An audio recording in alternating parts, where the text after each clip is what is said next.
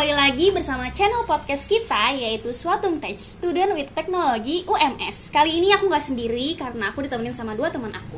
Dan aku kenalin aku Ira Nur Fajriani dan Adinda Randa Putri Dan saya Devi Nur ini. Ra, tanya nih Ra, kenapa nama channel podcast kita Suatum Touch? Mungkin bisa dijelaskan dulu kepada pendengar Oke, kenapa kita menamakan Suatum Tech? Karena mengajak mahasiswa atau pelajar untuk dapat mendengarkan podcast kita seputar pendidikan dan lain-lain dengan memanfaatkan teknologi. Karena dengan adanya teknologi memudahkan dalam pembelajaran dan teknologi juga sudah berkembang pesat sampai dengan saat ini. Wih keren sekali ya kan namanya ya ngadin keren banget suatu stage. Wih. Oke lanjut. Aku mau tanya nih Dev, apa arti dari perencanaan pembelajaran? Oke, jadi uh, perencanaan pembelajaran itu merupakan suatu pendekatan yang sistematis yang mencakup analisis kebutuhan pembelajaran, perumusan tujuan pembelajaran, pengembangan strategi pembelajaran, pengembangan bahan ajar, serta pengembangan alat evaluasinya dalam upaya mencapai tujuan pembelajaran yang diharapkan. Nah, upaya membuat perencanaan pembelajaran ini dimaksudkan agar dapat dicapai perbaikan pembelajaran. Dan ternyata dalam pembelajaran juga ada prosedur untuk mendesain pembelajaran, mencakup beberapa tahapan sebagai berikut nih. Yang pertama adalah mengidentifikasi kebutuhan pembelajaran dan penulis tujuan pembelajaran umum. Yang kedua, melakukan analisis pembelajaran. Dan ketiga, mengidentifikasi perilaku dan karakteristik awal siswa. Dan yang keempat, menulis tujuan pembelajaran khusus. Kelima, menyusun tes acuan patokan. 6. Menyusun strategi pembelajaran. Dan ketujuh, mengembangkan bahan ajar. Dan yang terakhir nih, mendesain dan melaksanakan evalu evaluasi formatif dan sumatif. Banyak juga ya Kak prosedur mendesain pembelajaran itu? Betul. Oke, mungkin uh, selanjutnya aku mau bertanya sama Adin nih. Uh, Din, kenapa sih perencanaan pembelajaran itu penting?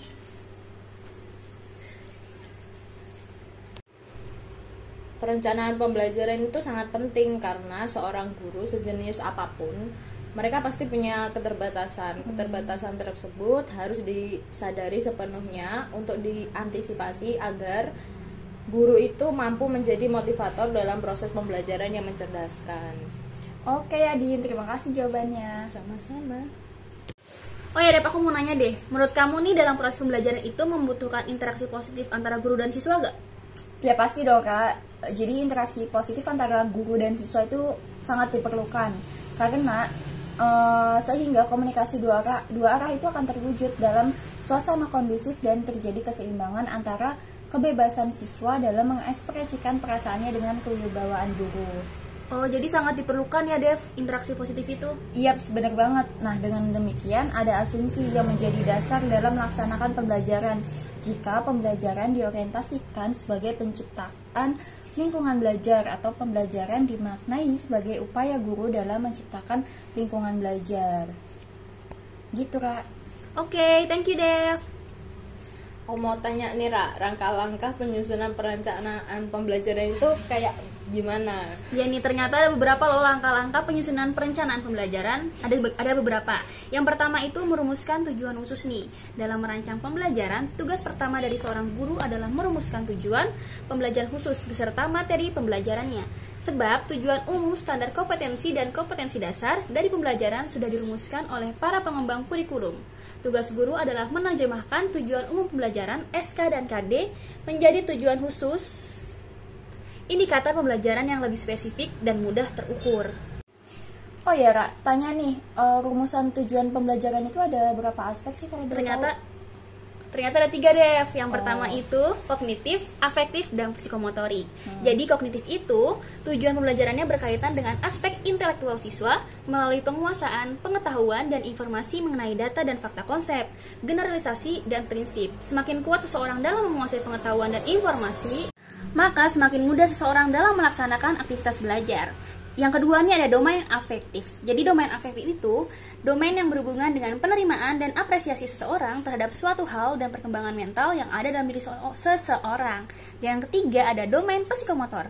Domain psikomotor adalah domain yang menggambarkan kemampuan dan keterampilan seseorang yang dapat dilihat dari ujung kerja atau performance yang berupa keterampilan fisik dan keterampilan non-fisik. Keterampilan fisik adalah keterampilan seseorang untuk mengerjakan sesuatu dengan menggunakan otot. Sedangkan keterampilan non-fisik adalah keterampilan seseorang dalam menggunakan otak sebagai alat utama dalam mengerjakan dan memecahkan suatu permasalahan. Gimana Dev, udah ngerti belum aspek-aspek pembelajaran? Alhamdulillah udah ngerti kan. Jadi banyak ya uh, aspek tujuan pembelajaran itu. Betul banget. Coba dong Dev kasih tahu aku untuk yang kedua itu ada apa? Nah, jadi yang kedua itu ada memilih pengalaman belajar.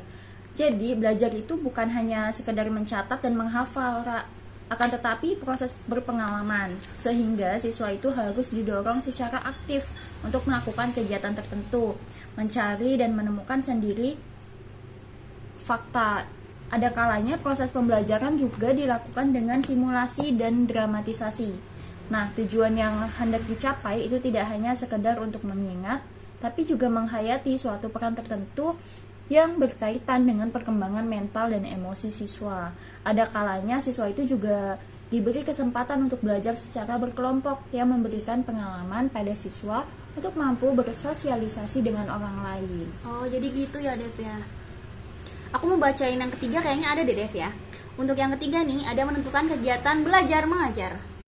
Jadi yang ketiga itu menentukan kegiatan belajar mengajar. Menentukan kegiatan belajar mengajar yang sesuai pada dasarnya dapat dirancang melalui pendekatan kelompok atau pendekatan individual.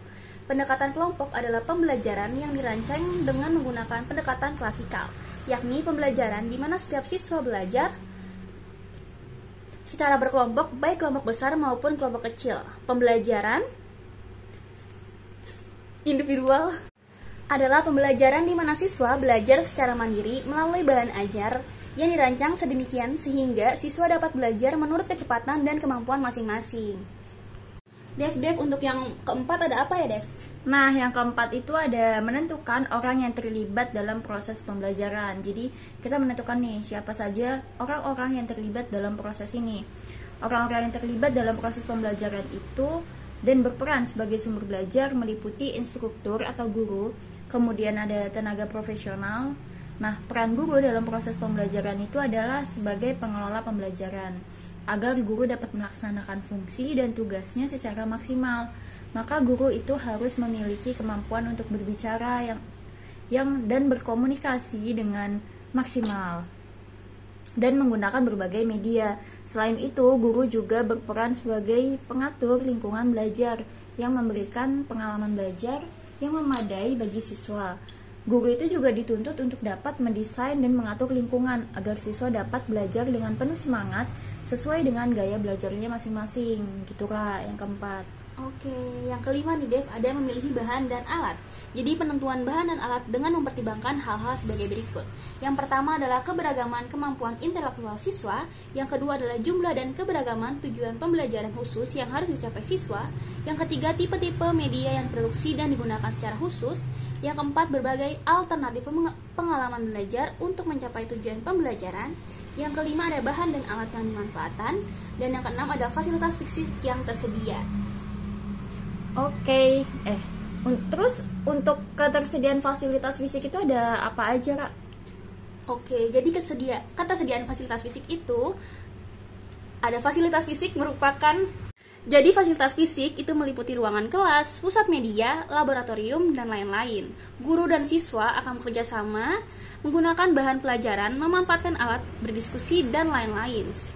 Kesemuanya itu dapat digunakan melalui proses perencanaan yang matang, melalui pengaturan secara profesional termasuk adanya dukungan finansial sesuai dengan kebutuhan. Untuk yang ketujuh ada apa, Dep? Nah, yang terakhir nih, Ra, yang ketujuh itu ada perencanaan evaluasi dan pengembangan. Jadi, prosedur evaluasi itu merupakan faktor penting dalam perencanaan pembelajaran. Sebab dengan adanya evaluasi itu akan dapat dilihat keberhasilan pengelolaan pembelajaran dan keberhasilan siswa mencapai tujuan pembelajaran. Nah, jadi penting banget Kak proses perencanaan pembelajaran itu demi tercapainya proses pembelajaran yang diharapkan. Oke, makasih Devi. Gimana Adin udah ngerti belum, Din? Hmm, ngerti, ngerti. Nah, kita kan sudah uh, ngobrolin ya tentang prosedur perencanaan pembelajaran. Kita masuk ke jenis-jenis model pembelajaran nih, guys. Nah, aku mau tanya nih Kak Adin, jenis-jenis model pembelajaran itu ada apa aja sih, Din? jenis-jenis model pembelajaran itu yang pertama ada model pembelajaran terpadu. Terpadu. Model pembelajaran terpadu adalah suatu model pembelajaran yang melibatkan konsep-konsep baik yang terdapat dalam satu bidang studi. Model pembelajaran seperti ini biasanya dilakukan dengan bertolak dari satu topik atau tema tertentu yang berperan sebagai payung untuk mengaitkan konsep-konsep tersebut. Terus yang kedua ada model pembelajaran konstruktif.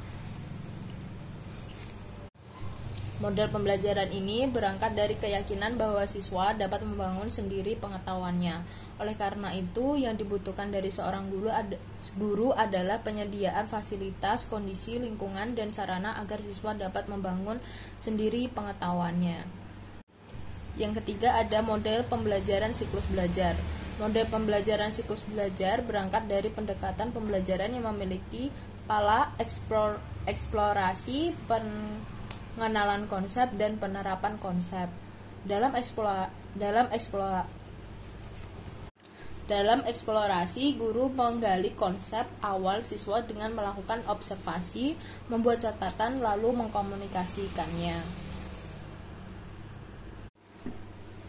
Dalam pengenalan konsep, guru mengumpulkan informasi dari siswa yang berkaitan dengan pengalaman dalam eksplorasi. Dalam penerapan konsep, konsep baru tadi diterapkan dengan cara guru menyiapkan situasi yang dapat dipecahkan berdasarkan pengalaman dalam eksplorasi dari pengenalan konsep yang baru tadi. Yang keempat ada model pembelajaran kooperatif learning. Model pembelajaran kooperatif learning adalah strategi belajar mengajar yang menekankan pada sikap atau perilaku bersama dalam bekerja atau membantu di antara sesama dalam struktur kerjasama dan teratur di dalam kelompok yang terdiri atas dua orang atau lebih. Model pembelajaran kooperatif learning mempunyai asumsi bahwa untuk mencapai hasil yang optimal dalam pembelajaran, siswa perlu paling tidak sebaiknya menjadi bagian dari satu sistem kerjasama dan kelompok. Dengan demikian, keberhasilan belajar tidak diperoleh semata-mata dari guru, melainkan juga dari pihak lainnya sesamanya yang terlibat dalam pembelajaran, khususnya siswa. Terus yang kelima ada pembelajaran interaktif. Model pembelajaran interaktif adalah suatu pendekatan pembelajaran yang merujuk pada pandangan konstruktif. Kons pandangan konstruktif. Dalam pembelajaran ini, guru menggali pertanyaan dari siswa. Siswa didorong untuk mengajukan pertanyaan sebanyak-banyaknya dan menyangkut hal-hal yang paling mendasar, misalnya mengapa sesuatu itu terjadi. Terus Ra, masih ada model pembelajaran yang lain. Coba jelaskan. Oke, yang keenam ada model pembelajaran dengan pendekatan lingkungan. Model pembelajaran dengan pendekatan lingkungan adalah satu strategi pembelajaran yang memanfaatkan lingkungan sebagai sasaran belajar, sumber belajar, dan sarana belajar. Model ini didasari oleh pendapatan yang mengatakan bahwa lingkungan dapat membawa siswa pada situasi yang lebih konkret seperti yang dihadapinya sehari-hari. Nah, yang ketujuh ada model pembelajaran inquiry. Model pembelajaran inquiry bertujuan untuk melatih siswa menginvestigasi dan menjelaskan suatu fenomena yang tidak biasa. Hal ini dapat diibaratkan seperti seseorang ilmuwan yang mengorganisasir data-data ilmu pengetahuan dan membuat prinsip-prinsip. Investigasi dapat dimulai dengan memilih satu kejadian yang menimbulkan teka-teki. Kejadian ini diinvestasikan dengan mengajukan banyak pertanyaan, jawaban atas pertanyaan yang diajukan. Ditanyakan kembali untuk mencari data yang lebih jauh dan lebih sahih. Demikian seterusnya sehingga pada akhirnya diperoleh gambaran yang lebih lengkap dan akurat terhadap masalah yang dihadapi. Devi Devi aku mau nanya dong tahapan dari pembelajaran inquiry itu ada apa aja sih? Oke, okay, jadi uh, pada tahapan inquiry itu ada dua tahapan kak. Yang pertama itu ada penyajian masalah. Nah, pada tahap ini kepada siswa disajikan masalah yang ditemukan. Penyajian masalah begitu rupa sehingga siswa dihadapkan pada situasi teka-teki yang menuntut jawaban dan keterangan. Nah, tahap berikutnya itu adalah pengumpulan dan verifikasi data. Situasi teka-teki tadi diharapkan dapat mendorong keinginan siswa untuk mencari dan mengumpulkan data dan ternyata tahapan ini bukan hanya dua kak ternyata ada lima nah yang ketiga itu ada tahap eksperimen nah pada tahap ini berdasarkan data yang diperoleh dan yang sudah diuji kesahihannya sebelumnya. Nah, dilakukanlah eksperimen. Tujuannya adalah untuk menguji dan mengeksplorasi secara langsung. Nah, tahapan yang keempat itu ada mengorganisir data dan merumuskan penjelasan. Data yang diperoleh diorganisir secara sistematis dan diberikan penjelasan. Tahap yang terakhir adalah mengadakan analisis. Jadi di sini siswa diminta membuat analisa untuk melihat pola-pola yang terdapat dalam eksperimen yang telah dilakukan. Diharapkan dengan menganalisa pola-pola tertentu yang muncul ditemukanlah sesuatu yang baru. Inilah yang menjadi sasaran dari seluruh proses inquiry yang dilakukan. Oke, makasih Devi. Kayaknya udah lengkap banget ya. Oke, kayaknya materi tentang proses prosedur pembelajaran udah lengkap banget ya. Jadi, kita mau pamit dulu. Saya Ira. Saya Adin. Dan saya Devi. Pamit undur diri. See you di next podcast selanjutnya. Terima kasih. Bye-bye. Bye-bye.